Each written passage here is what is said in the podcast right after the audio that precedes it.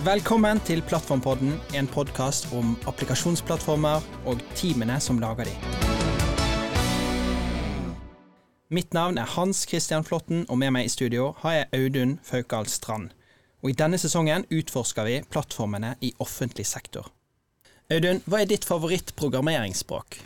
Det er et veldig godt spørsmål. Eh, jeg programmerte både Java, Go, Kotlin og Python, i hvert fall. Og jeg tror Stort sett så er det Go som er favorittprogrammeringsspråket, for det er Uh, lettest å lese og enklest. Og noen ganger når jeg føler meg smart, så syns jeg det er Kotlin, men det går over veldig fort. Stort sett. Hva med deg, Kristian? Ja, nå stjal jo du Go. Jeg har begynte med utypede språk og syns jo at det var veldig kjekt. Du kom fort i gang, så ja, kanskje være så freidig å si javascript. Ja. Det er såpass, ja.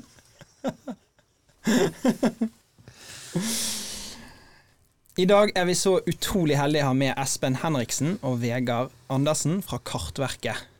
Espen, vil du begynne å fortelle litt om hva du gjør i Kartverket?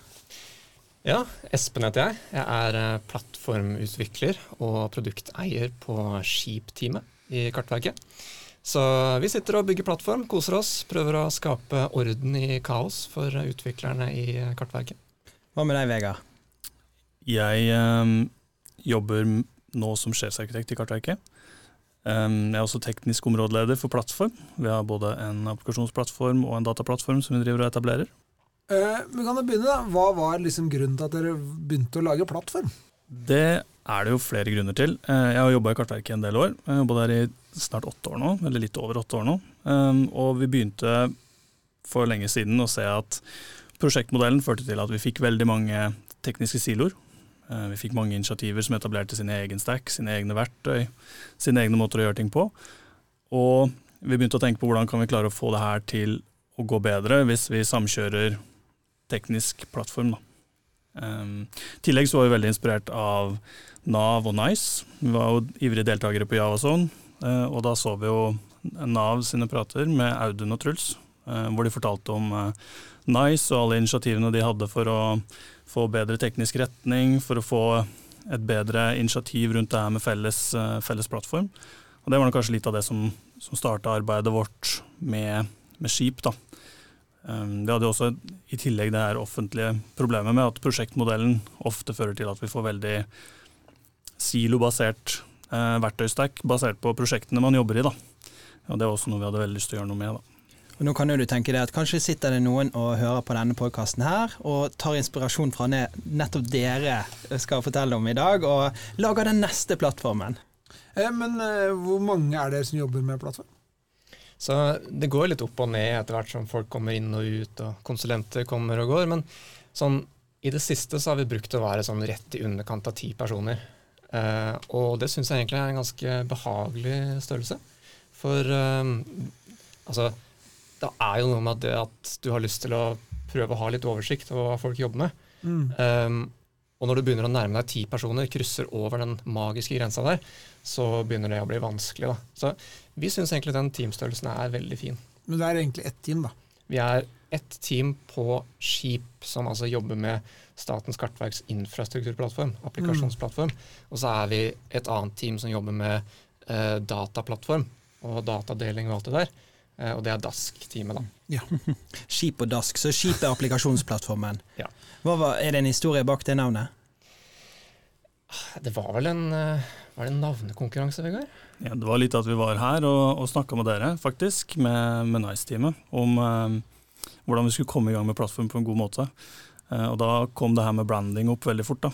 Viktig å brande, og viktig å få et navn, og viktig å liksom eh, ha en identitet som team. Så da var det Skip, Skap eller Scoop. For eh, Statens kartverks applikasjonsplattform, infrastrukturplattform eller utviklingsplattform. Og av de så var det skip som var definitivt lettest å lage logo for, så da blei det skip. Og det ser jo ikke dere som lytter på nå, men Vegard har jo da eh, T-skjorte med skip-logoen, som er litt sånn Kubernetes tannhjulinspirert, og så er det et skip på toppen. Eh, veldig kult. Jeg lurer på om du tenkte det når du liksom valgte hele det der nautiske temaet for Kubernetes, at det er et helt univers av navn for plattformer som bygger på Kubernetes. Ja. Og heldig at dere valgte den der konteineren og konteinerskipet og hvalen, da. Ja. det gjør jo ting veldig enkelt når vi har skip som navnet vårt. Altså, Ja. Det er jo så mange ting vi kan bygge på toppen av det. Sånn skipper og eh, ja, alle de nautiske tingene. Da. Men, men eh, da har vi da avslørt dere bygger på Kubernetes. Eh, Kan du ikke si litt mer om litt teknisk? Hvordan ser plattformen ut? Ja, vi har jo Kubernetes, som du sa, eh, og så bygger vi på Google Cloud. da. Um, og det vi bygger nå, det er jo en form for hybrid skyplattform. Så uh, det vil si at vi har et bein i Google Cloud, hvor vi kjører på Google Kubernetes Engine. Uh, og så har vi on-prem på kartverket på VMware, en sånn Antos-installasjon, som det heter. Uh, og da får du en variant av GKE som kjører på VMware. Uh, og det funker egentlig ganske greit, uh, den installasjonen der. Og så i denne her Antos-pakken da, så er det noen sånne produkter som gjør at de kan prate sammen, eh, for det er en fordel. Så da får du også en sånn service mesh-opplegg som er basert på Istio. Jeg vet jo dere elsker Istio, jeg har blogga om det før. Men eh, da får vi bundet da, disse her clusterne sammen. Eh, sånn at du kan kjøre noe i sky, du kan kjøre noe on-prem, eh, og så kan de prate sammen, mer eller mindre sømløst. Ja, for Det er interessant, for uh, sånn jeg husker det, så Antos er jo da et kontrollplan som ligger hos Google, som styrer både on-prem og skyclusterne. Uh, hvordan funker det? Ja, så eh, Antos er jo en sånn produktportefølje, på en måte. Um, og hovedbiten av det er jo GKE on-prem. Mm. Uh, men så er det disse andre tingene også som er i den porteføljen, uh, som jeg snakka om. da, Service Mesh osv. Men en av hovedsalgspunktene der, det er det at du kan administrere alt gjennom Google Cloud. Mm. Så du logger deg på Google Cloud, eh, og så i sidemenyen din så har du et menypunkt som heter Antos, og da kan du gå inn og se alle clusterne dine. Eh, og da kan du se clusterne uavhengig om de kjører på eh, kartverket, i vårt tilfelle, i GKE, eller faktisk på Asher eller eh, AVS, og så administrerer du det gjennom et sånn single plane of glass. Da. Men hva er det som styrer da? Hvilke apper som kan kjøre on-prem og styrt av Google, og i sky styrt av Google? Er det liksom sikkerhetsmessige grunner? Det som har skjedd, er jo at vi har bygd en Det er litt sånn historisk perspektiv på det her, at vi starta egentlig med å bygge hele plattformen vår on-prem. Så Antos-beinet og det vi har etablert til nå, ligger jo om-prem. Så så langt så har vi etablert hybridmeshet, men vi har ikke begynt å migrere applikasjoner ut. Vi har applikasjoner som har åpne data som er uproblematiske å legge i sky, og så har vi en del andre typer data som vi jobber veldig aktivt med å vurdere. Eh, som vi må se hvordan lander før vi kan avgjøre i hvilken del av plattformen det kommer til å kjøre, eller, eller hva slags eh, hensyn vi må ta da, for å behandle de dataene.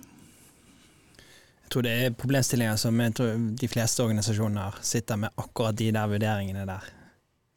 Men uh, denne plattformen, hvordan er grensesnittet opp mot utviklingsteamene? Ja, så vi tilgjengeliggjør en del verktøy som produktteamene bruker. Uh, så blant annet da, så har vi jo et eh, verktøy som heter Skipperator. Uh, dere er jo sikkert kjent med Nicerator og Ja. bakgrunnshistorien der. Um, og den skipperatoren den er en sånn form for abstraksjon da, som gjør Kubernetes enkelt å bruke for produktteamene. Så produktteamene setter en del felter, og så blir alt i bakgrunnen av service mesh og zero trust networking-oppsett og alt det der blir jo satt opp. Um, og av andre sånne interfacer inn mot skip, så har vi jo eh, Argo CD, eh, er jo måten man, yeah. man, man deployer. da. Så når du har dette her Shipperator application-manifestet, så legger du det inn i et git-repo, og så synker det ut på clusteret. Og det har jo vært en, en kjempesuksess. Folk Ja, ja. trives veldig godt med det. Argos er pull, ikke push.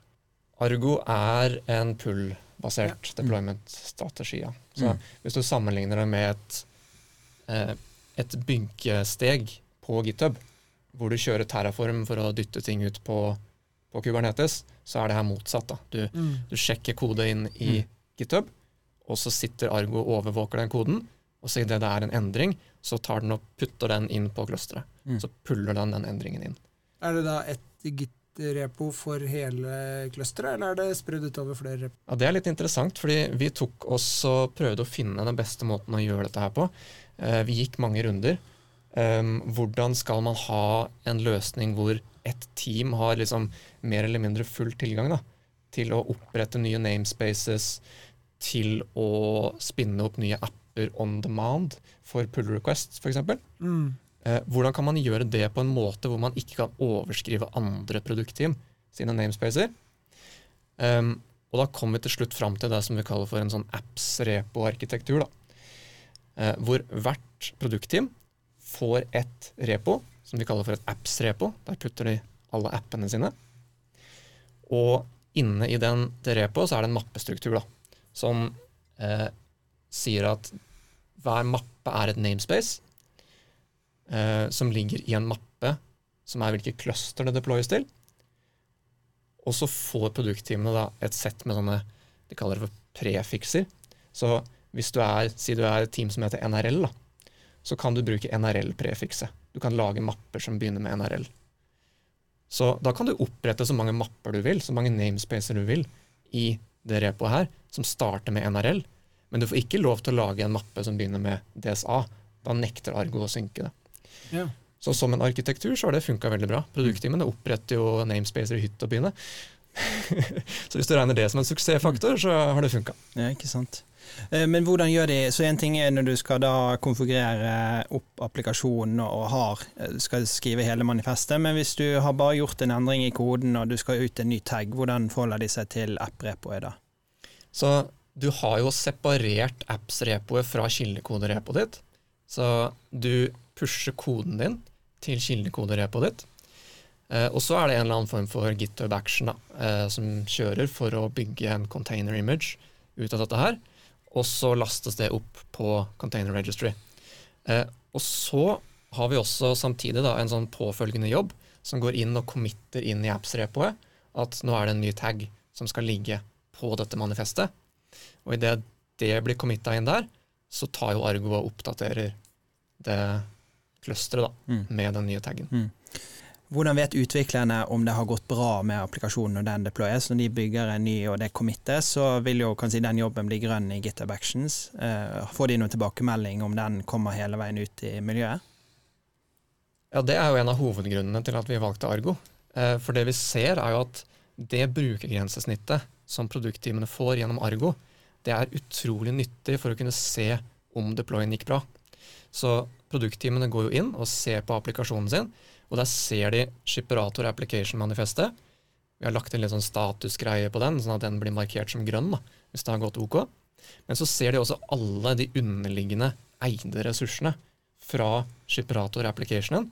Og så ser de at ja, deploymenten er oppe, den har to replikas, whatever. Eh, så ved å kunne gå inn og se på Argo GUI, så Mm. får de en innsikt som er helt uh, amazing. De kan også klikke seg inn og se logger på deploymenten. og eh, Hvis du vil, så kan du få en terminal rett inn i poden derfra.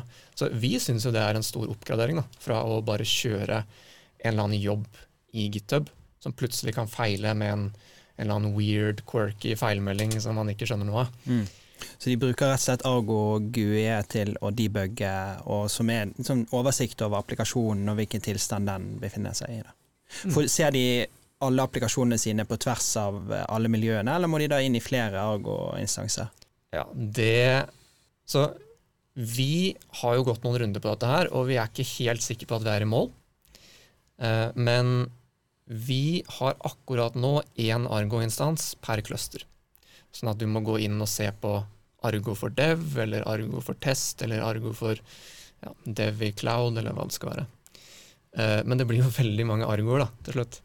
Så eh, det vi har drevet og kikka litt på akkurat nå, er jo å se på den der nye eh, cargo-greia til Acuity.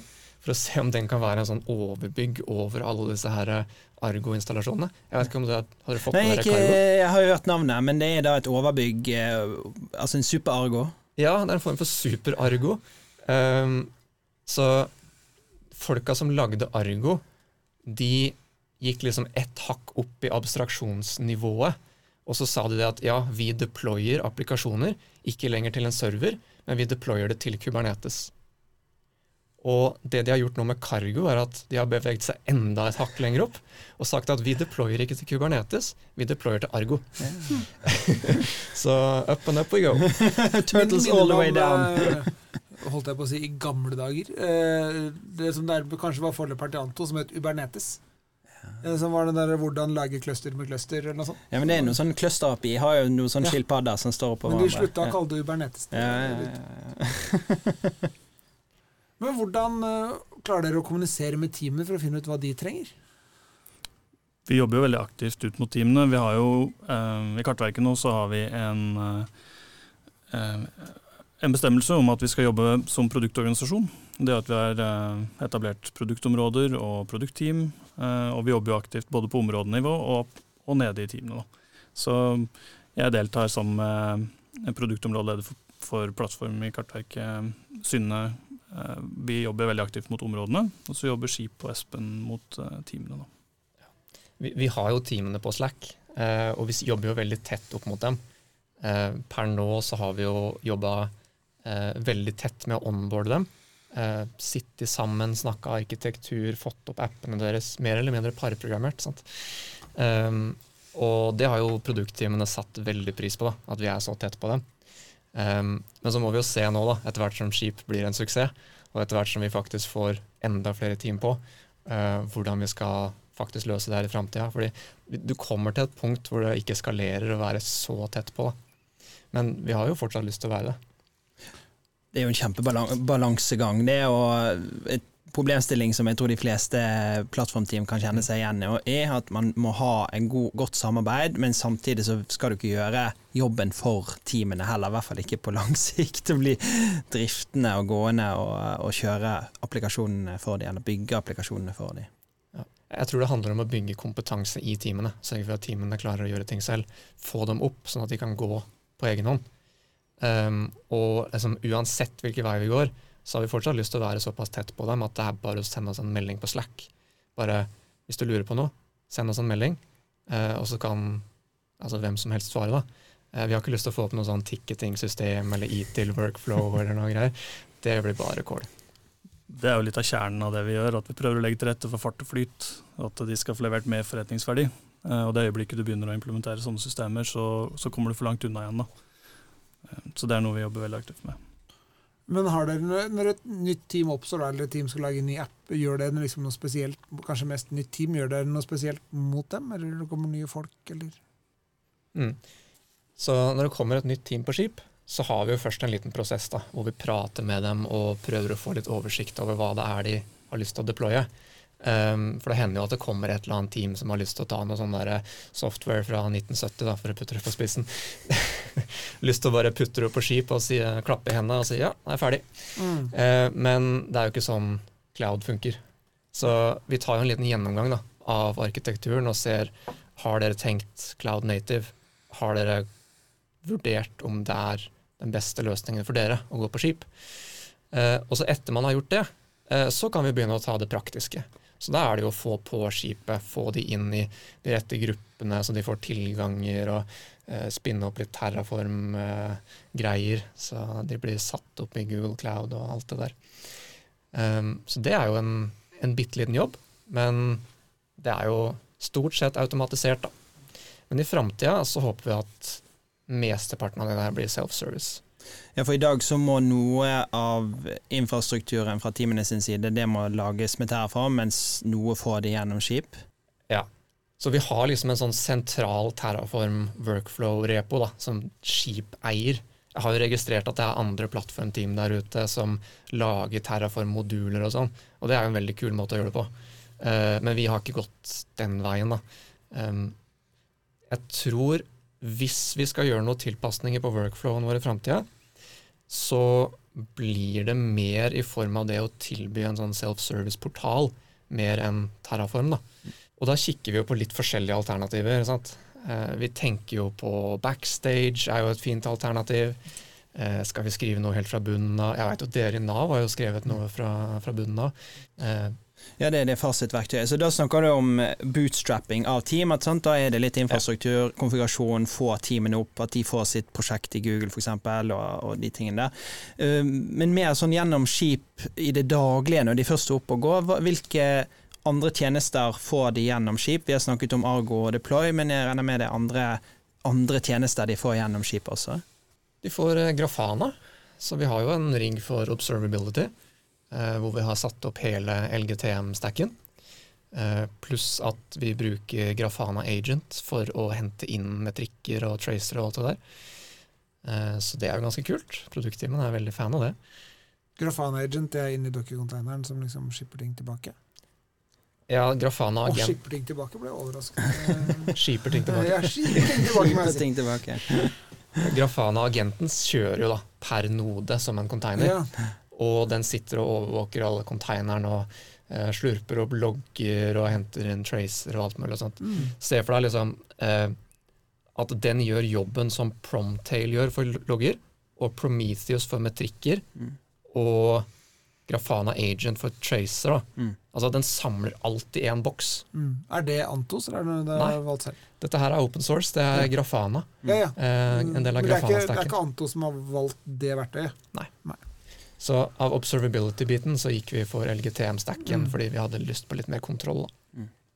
Men Bruker dere da Open Telemetry-agenten for å instrumentere applikasjonene, eller er det noe applikasjonene gjør selv og drar inn de bibliotekene? Per akkurat nå så er det noe de gjør selv.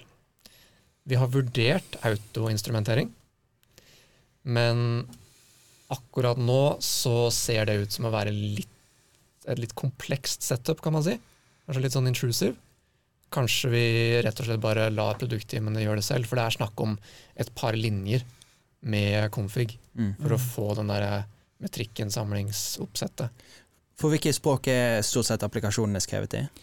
Vi har veldig mye um, Java-applikasjoner. Det er hovedsakelig Java. Vi jobber også mye med Python. Um, det finnes en god del andre språk også i kartverket, men, men det er nok hovedspråkene på den nye plattformen i hvert fall. Så vi prøver å fokusere mest der, men i utgangspunktet så er vi ganske språkagnostiske på det vi setter opp. da.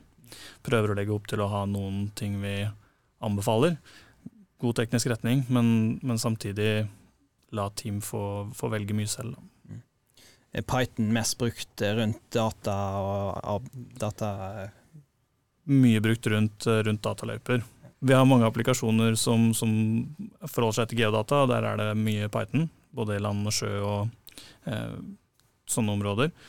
Java har hovedsakelig vært i eh, eiendomsregistrene og det miljøet rundt der, men så ser vi at de her begynner å, å flyte bra sammen og, og dra litt nytte av hverandre etter hvert. da.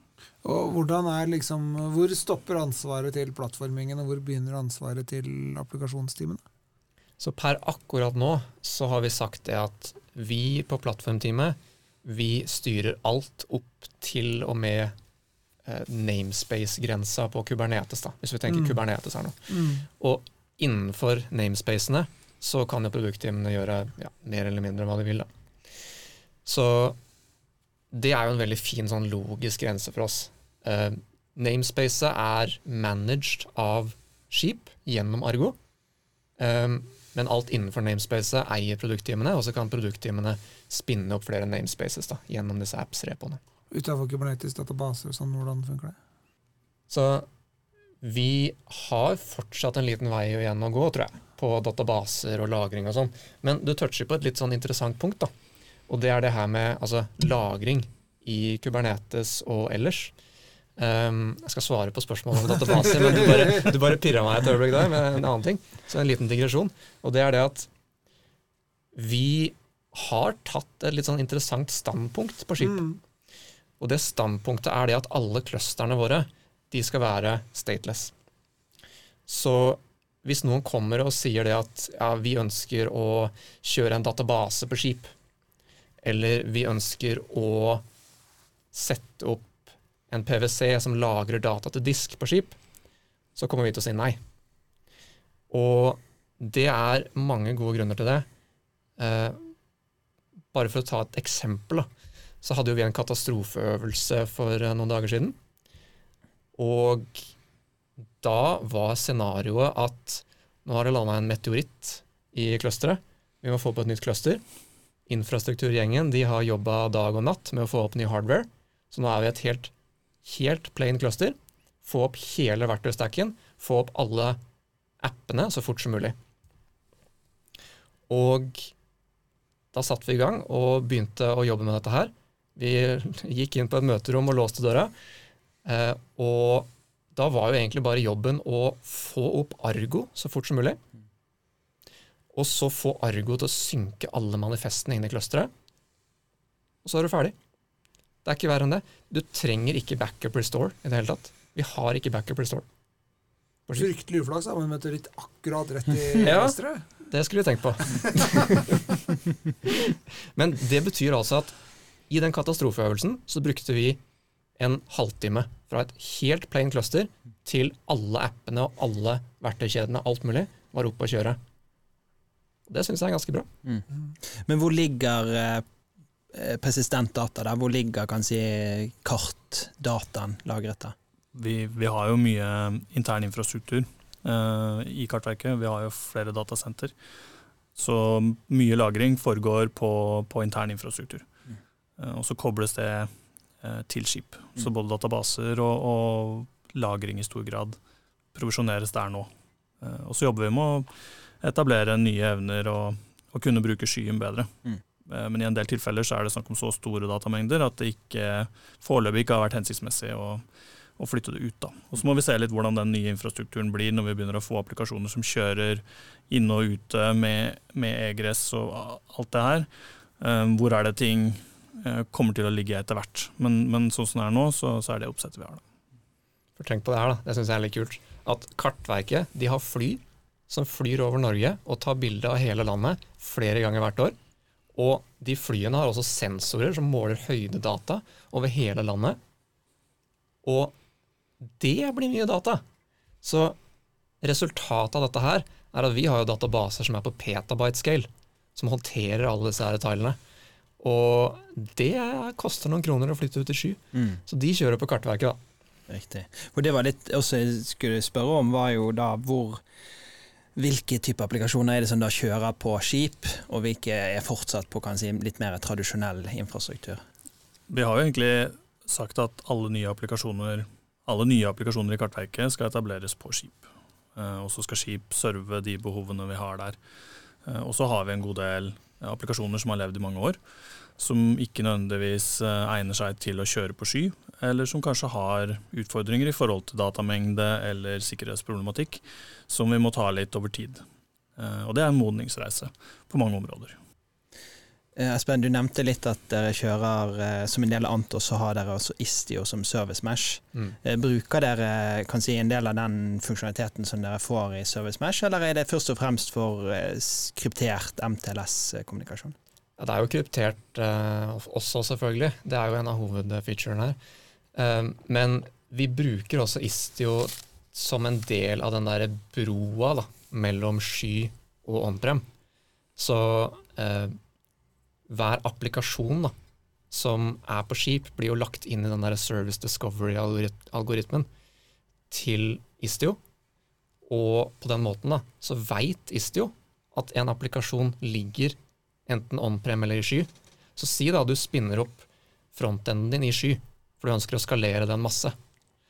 Eh, Men av en eller annen grunn så trenger du en backend som lever på kartverket. Kanskje du skal snakke med noen on-prem-databaser eller hva det er. Så må den leve på kartverket. Vel, da får du en request inn på frontenden din i skyen, og så skal den requesten videre til backenden. Da veit Istio at den lever på backend, og så rutes den inn der automatisk, uten at frontenden trenger å gjøre noe spesielt med tanke på å åpne firewalls eller hva det skal være. Det bare skjer automatisk i servicemeshet. Kan du utvide også til legacy-systemer òg? At du kan kalle, applikasjoner utenfor Kubernetes òg som om de var på innsiden? Jeg tror det. Ja, Men det er ikke noe dere gjør i dag, kanskje? Nei, altså Det er noe funksjonalitet i Istio, noen service entries og greier, um, hvor du kan spesifisere ting som er utenfor uh, Kubernetes. Um, men det vi bruker det mest til, stort sett, det er dette her med zero trust networking. Ehm, fordi en applikasjon på skip, da, den kan ikke i utgangspunktet prate med noen andre applikasjoner. Alt er deny first, default deny. Og hvis du skal snakke med en annen applikasjon, så må du skrive i Shiperator-manifestet ditt at de skal kunne prate sammen. Dette er kjent stoff for dere.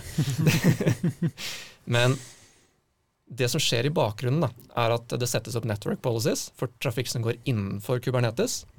Men trafikk som går ut fra Kubernetes, der er det litt spesielt.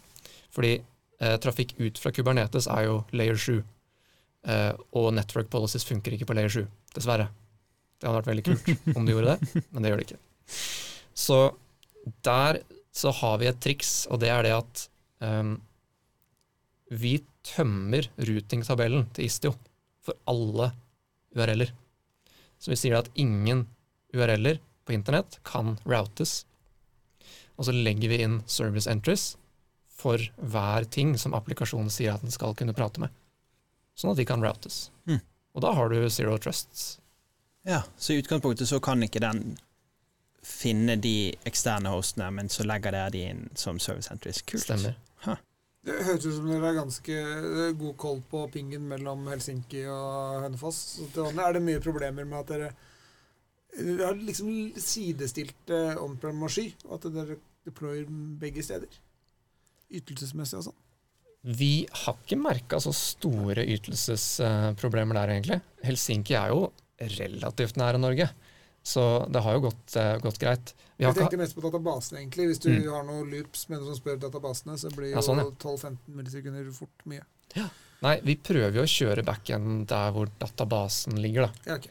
Um, det er i hvert fall det som har vært kutymen så langt. Mm. Um, og det er jo litt av det hensynet som du sier der, da. Mm. At hvis du skal gjøre masse spørringer over internett til databasene, Mm. så kan det fort ta litt tid. Jeg tror vi begynner å gå inn for landing. Um, vi pleier å spørre om uh, en gang ting ikke gikk helt etter planen. Det er jo veldig mye vi lærer når ting går feil. Har dere en historie å dele med oss? Ja, den gangen uh, før vi etablerte Antos, da. Så eh, kjørte vi på en VMware-teknologi som het eh, Tansu. Eh, da hadde vi en, en rekke uheldige ting. Så vi fikk en sånn konvergens av tekniske problemer som gjorde at vi droppa det som plattformteknologi i sin helhet. Eh, Det var på en måte utløsende faktor i at vi gikk over til, til Antos og, og en annen, annen løsning. Da. Mm. Det var ganske heftig. Det var eh, en kombinasjon av det at eh, vi kunne ikke spinne opp nye noder pga. en bug i systemet. Og det var en fiks som var lansert på en nyere versjon, som vi ikke kunne oppgradere til fordi vi ikke kunne spinne opp nye noder. og så i tillegg til det så hadde podene utfordringer med at de var tom for ressurser. Så de begynte å evikte podder pga. Memory pressure og sånn. Og så kunne vi ikke spinne opp nye noder for å få mer ressurser. Så ja, det var mye greier, da. Det, vi måtte rett og slett bare spinne opp, eh, altså sette opp hele miljøet på nytt. Og det var ganske omfattende. Da, Å migrere alle appene over. Men helt til slutt, da. Hva er liksom det neste, eller hva er på veikartet? Ja, det neste. Altså, jeg personlig har jo veldig lyst til å eh, fremme en ting, da. Og det er jo det at vi i offentlig sektor, og generelt sett da, i privat næringsliv, alle vi som driver med data, eh, vi må begynne å tenke litt mer sånn på miljø. Eh, prøve også å få oversikt over det utslippet vi faktisk står for. Eh, da handler det jo om å samle inn disse her metrikkene om ja, hva koster det egentlig å kjøre ting i, i on-prem og sky. Eh, jeg syns det var en sånn interessant ting som kom opp eh, for en stund tilbake, og det er det at eh, når du kjører ting i sky, så kjører du på et hyperscale datasenter. Du kjører på datamaskiner som er kjøla med vannkjøling, og det er, det er masse ting da, som gjør at det datasenteret er mye bedre for miljøet enn å kjøre ting on-prem. Og det er en ting som jeg syns ikke kommer fram så veldig mye i diskusjonen av sky og on-prem. Miljøaspektet av å kjøre altså ting overalt, distribuert rundt i det ganske land. Så jeg har lyst til at en eller annen gang i framtida at vi får opp metrikker på skip over hva det koster. Ikke bare i kroner og øre, det også, men i CO2. Mm. Og så prøve å bygge løsninger da, som optimaliserer for det. Har ikke Google det i konsoll? Google har det i konsoll, ja. Ja. Ikke VMware-greiene. Nei, ikke on-prem. Men å begynne å bruke det mer aktivt. Ja.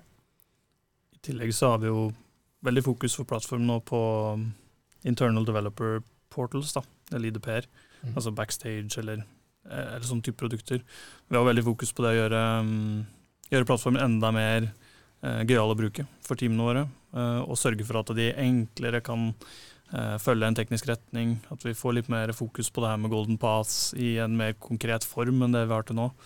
Eh, det er også sånne ting som vi kommer til å jobbe mye med nå framover. Mm. Og så lanserte dere en tech-blogg i dag. Espen, eh, hvor finner de som har lyttet på i dag, hvor finner de den? Ja, så Hvis dere har lyst til å høre mer om skip og alle de spennende tingene som vi driver med, så kan dere gå til skip.kartverket.no. Der finner dere en link til tech-bloggen vår på forsida. Klikk innom.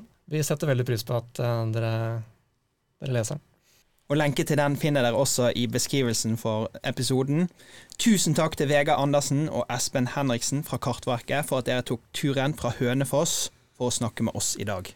Audun, hva har vi lært i dag?